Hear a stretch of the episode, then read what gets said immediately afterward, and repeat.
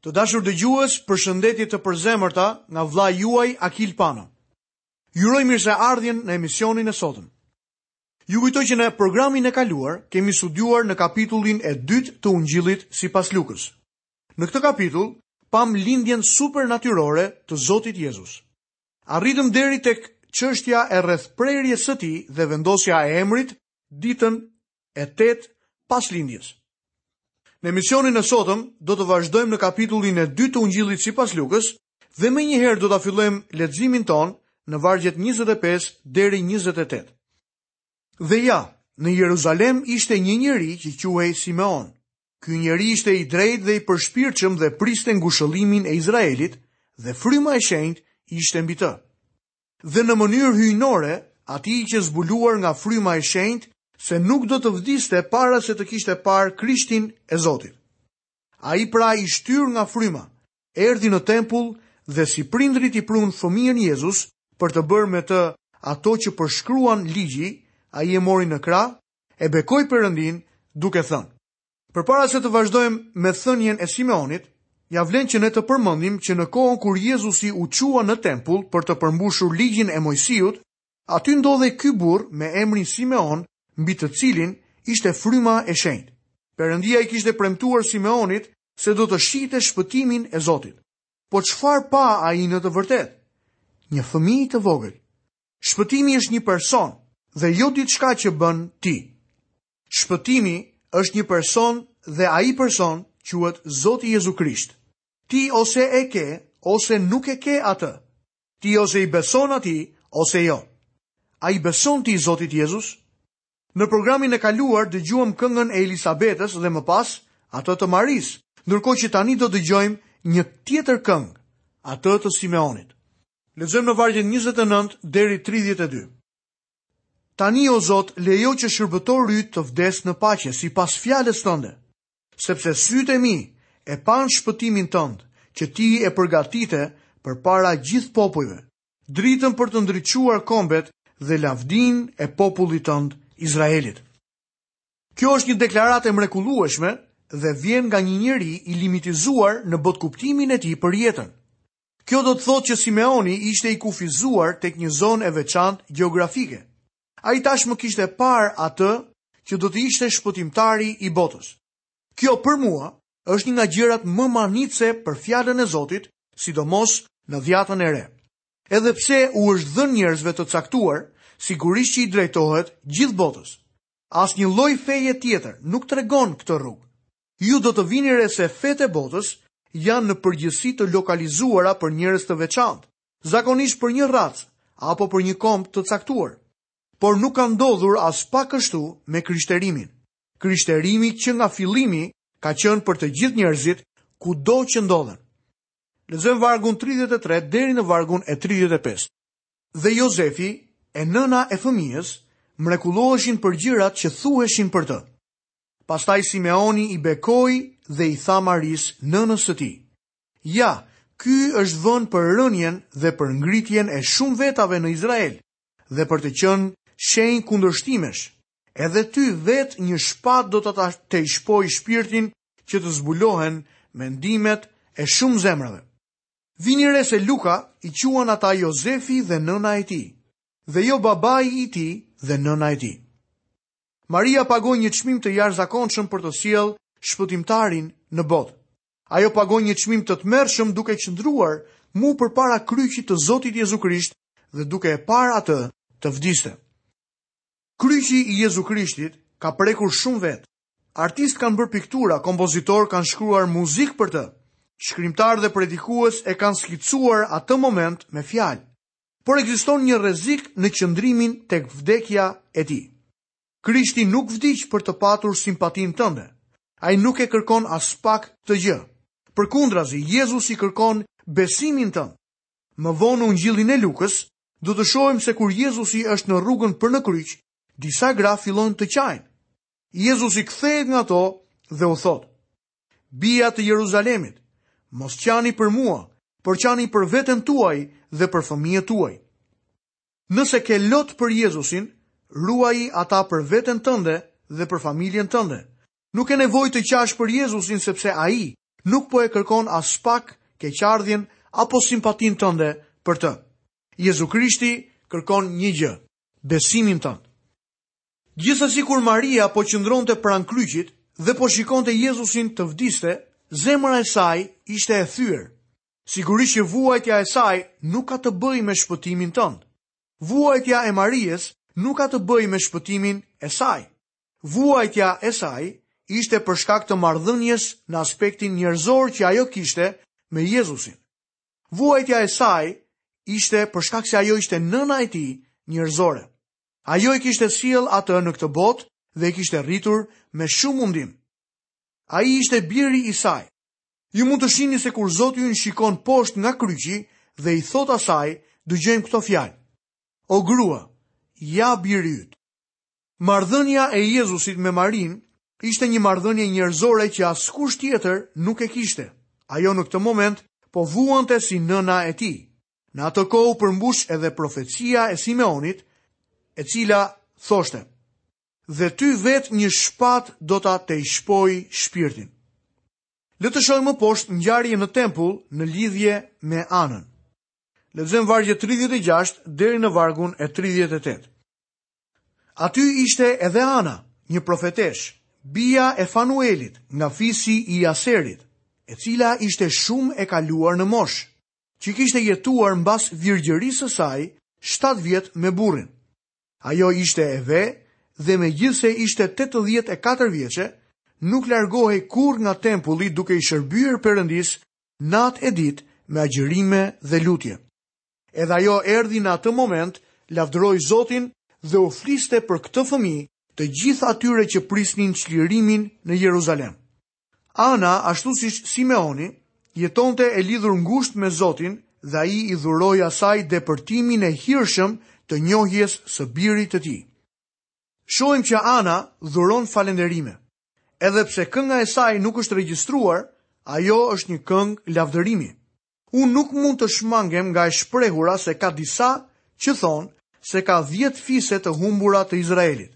Kjo do të thotë se dhjetë fiset të cilat shkuan në robërinë asiriane në shekullin e tetë para Krishtit emigruan në veri sesa të ktheheshin në vendin e Izraelit. Nëse do të kërkoje në Bibël që nga koha që Izraeli u kthye nga robëria, mund të gjesh faktikisht të gjitha fiset. Këtu Ana përmendet si një anëtare e fisit të Asherit. Në mënyrë të dukshme, Ana nuk ka humbur. Rrëfimi sipas Mateut na tregon se ngjarja tjetër në jetën e Jezusit ishte udhëtimi për në Egjipt. Luka këtë ngjarje e lë jashtë rrëfimit të tij krejtësisht. Është mirë të kujtojmë sërish se qëllimi i shkrimit të çdo ungjilli është i ndryshëm. Ungjilli sipas Mateut e prezanton Jezu Krishtin si mbret, ndërsa Luka e prezanton atë si njeriun e përsosur. Ardhja e dijetarëve nuk përshtatet me qëllimin për të cilin ishte shkruar ky Ungjill. Dijetarët po kërkonin një mbret dhe jo idealin e racës greke. Ndërkohë që Luka e prezanton Jezusin si njeriun e përsosur, vini re se si e mbart këtë qëllim edhe në këtë pikë. Le të shohim kthimin e tyre në Nazaret. Lexojmë vargjet 39 deri 40. Dhe mbasi i kryen të gjitha ato që i takonin sipas ligjit të Zotit, u kthyen në Galile në qytetin e tyre, Nazaret. Ndërkaq fëmija rritej dhe forcohej në frymë, duke qenë plot dituri dhe hiri i Perëndisë ishte mbi të. Gjejmë që ungjilltari Luka shikon tek Jezusi jo vetëm me sytë e një mjeku obstetrik, por edhe me sytë e një pediatri. Zoti Jezus rritej fizikisht dhe forcohej në frymë, shpirtërisht, duke qenë plot dituri, dhe tek kjo fjalë gjejmë anën e aspektit mendor. Hiri i Perëndisë ishte mbi këtë djalë dhe ai rritej fizikisht, shpirtërisht dhe mendërisht. Vizita e Jozefit, Marisë dhe Jezusit në Jeruzalem, kur Jezusi ishte dymbëdhjetë vjeç. Në vijim është regjistruar një ngjarje që e rrëfen vetëm Luka. Luka e bën këtë sepse është një pediatër dhe si i tillë është i interesuar në Zotin Jezus si djalë dhe si burrë. Luka nxjerr në pah një skenë që ka të bëjë me rininë e hershme të Jezusit kur ai ishte dymbëdhjetë vjeç. Meqenëse nuk është regjistruar asgjë për vitet e hershme të jetës së Jezusit, disa njerëz e quajnë këtë segment të jetës së tij vitet e qeta. Unë nuk i konsideroj ato vite të qeta. Besoj se shkrimet e Dhjatës së Vjetër përmbushen në këto vite, nëse ju do ta shikoni me vëmendje. Rrëfimi i Lukës është i detajuar. Ai veçon ngjarjen që ndodhi kur Jezusi ishte dymbëdhjetë vjeç. Lexojmë në vargjet 41 deri në vargun e 45. Tani prindërit e tij shkonin çdo vit në Jeruzalem për festën e Pashkës. Dhe kur ai i mbushi 12 vjeç, ata u ngjitën në Jeruzalem sipas zakonit të festës. Dhe si u përmbushën ato ditë, kur ata u kthyen, fëmija Jezus ndenji në Jeruzalem, por Jozefi dhe e ëma e tij nuk e dinin. Duke menduar se ai ishte në shoqëri, ata bënë një ditë rrugë. Pastaj filluan ta kërkojnë midis farefisit dhe të njohurve. Dhe duke qenë se nuk e gjetën, u kthyen në Jeruzalem për ta kërkuar. Maria dhe Jozefi po rrisnin një fëmijë normal dhe të shëndetshëm. Miqtë e mi, ai nuk ishte një veshje rrezatuese plot shkëlqim dhe lavdi. Artistët e epokës së mesme kanë pasur koncepte të çuditshme në lidhje me Zotin Jezus edhe si fëmijë dhe kur ai ishte i rritur. Nuk besoj që Jezusi dukej si ndonjë prej ideve të tyre. Ai ishte thjesht një djalë normal. Në atë kohë njerëzit lëviznin së bashku në grupe. Kur erdhi koha për t'u larguar nga Jeruzalemi, njerëzit që do të shkonin në Galile, u mblodhën bashkë në qytetin e vogël në veri të Jeruzalemit për të filluar udhëtimin drejt shtëpive të tyre. Pikërisht këtu në këtë vend, ata e humbën Jezusin. Jozefi ndoshta mund të ketë thënë, Ku është Jezusi? Dhe Maria mund të jetë përgjigjur, O po unë mendova se ishte me ty. Ata kërkuan për Jezusin midis të gjithë njerëzve që njihnin. Dhe kur zbuluan se nuk gjendej, u kthyen në Jeruzalem. Ata e kërkuan Jezusin për tri ditë me radhë. Dhe ku mendoni se e gjetën? Ai ishte në tempull. Lexojmë sërish në kapitullin e dytë të Lukës, vargjet dyzet e gjashtë deri në vargun e pesëdhjetë. Dhe ndodhi që pas tri ditësh e gjetën në tempull të ulur në mes të dijetarëve, duke i dëgjuar dhe duke u bërë atyre pyetje. dhe të gjithë ata që e dëgjonin habiteshin nga zgjuarsia e tij dhe nga përgjigjet e tij. Dhe kur ata e panë, mbetën të habitur dhe e ëma i tha, Bir, pse na e bëre këtë? Ja yt atë dhe unë, në ankth, po të kërkonim. Por ai u tha atyre, përse më kërkonit? A nuk e dinit se më duhet të merrem me punët e Atit tim? Por ata nuk i kuptuan fjalët që ai u tha atyre. Maria dhe Jozefi e gjetën Jezusin në tempull, në mes të dijetarëve të asaj kohe. Ai po i dëgjonte me vëmendje dhe i pyeste si një i rritur. Me sa duket Jezusi po u bënte pyetje që ata nuk mund t'i përgjigjeshin. Dijetarët ishin të mahnitur nga përgjigjet e tij. Mbani mend që ai ishte vetëm dymbëdhjetë vjeç. Mendoj se është fare e qartë pse Maria dhe Jozefi ishin pak të zemëruar me të. Përgjigja e Jezusit zbulon surprizën e tij, se ata nuk e kishin kuptuar që Jezusi duhet të merrej me punët e Atit të Tij. Meqenëse Jozefi ishte i ati, ai mund të kishte thënë, Po mirë, çfarë po përpiqesh të bësh, të fillosh ndonjë punë marangozllëku këtu në Jeruzalem? Jo, babai i tij nuk ishte Jozefi. Ai po fliste për punët e Atit të Tij qiellor. Maria në këtë pikë nuk e vlerësoi krejtësisht se kush ishte ai dhe çfarë detyrimesh kishte, por i meditonte të gjitha këto gjëra në zemrën e saj. Lexojmë vargjet pesëdhjetë e një dhe pesëdhjetë e dy. Dhe ai zbriti bashkë me ta, u kthye në Nazaret dhe i bindej atyre. E ëma i ruante të gjitha këto fjalë në zemrën e saj dhe Jezusi rritej në dituri, në shtat dhe në hir përpara Perëndisë dhe njerëzve. Jezusi ishte i bindur ndaj prindërve të tij. Kjo është interesante nën dritën e faktit që të rinjtë e sotëm rebelohen dhe kërkojnë vetëm të dëgjohen nga të tjerët, por jo të dëgjojnë. Thonë gjithmonë që ne duhet t'i dëgjojmë ata. Personalisht mendoj që një student në kolegj nuk ka shumë gjëra për të thënë, sepse ai është ende i papërpunuar pamvarësisht nga zgjuarsia e tij. Informacioni që ka marrë është i kufizuar dhe i njëanshëm dhe nuk e ka përvojën për ta vlerësuar në të vërtetë. Është e mrekullueshme të thuash se ky djalë, Jezusi, biri i Perëndisë, iu bind prindërve të tij dhe ishte i nënshtruar ndaj tyre. Ungjilltari Luka na jep një raportim të atyre viteve të qeta kur Jezusi po rritej. Luka thotë që Jezusi u rrit në dituri, në shtat dhe në pëlqimin e Zotit dhe në pëlqimin e njerëzve.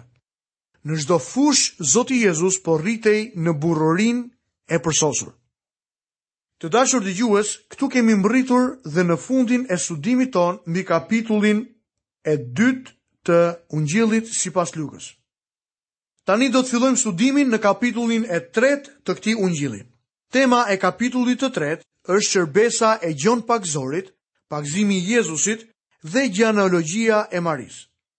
Luka me një trajtim historik prej profesionisti e daton shërbesën e Gjon Pagëzorit me historinë laike.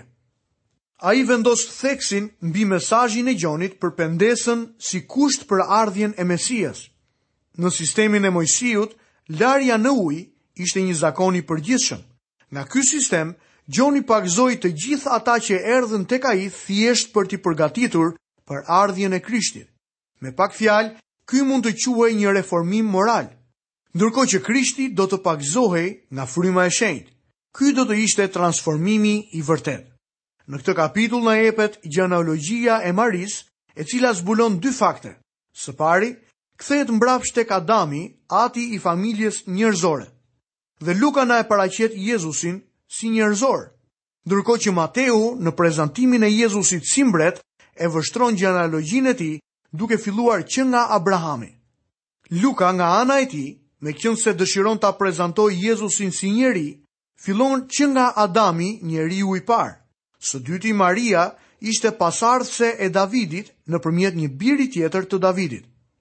Le të shohim shërbesën e Gjon Pagëzorit. Ky kapitull përmban shumë detaje dhe Luka ishte një njeri shumë i dhënë pas saktësisë dhe dhënies së fakteve. Lexojmë në kapitullin e tretë të Ungjillit sipas Lukës, vargun e parë.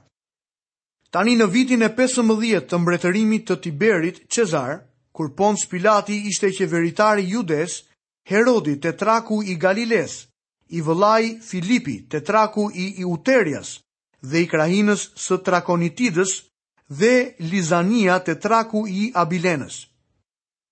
Në këtë varg identifikohen gjashtë karaktere të ndryshëm, të cilat na lejojnë të datojmë kohën e saktë historike. Kur lindi Zoti Jezu Krisht ishte perandor Cezar Augusti, ndërkohë që kur filloi Gjoni shërbesën perandor ishte Tiberi Cezar.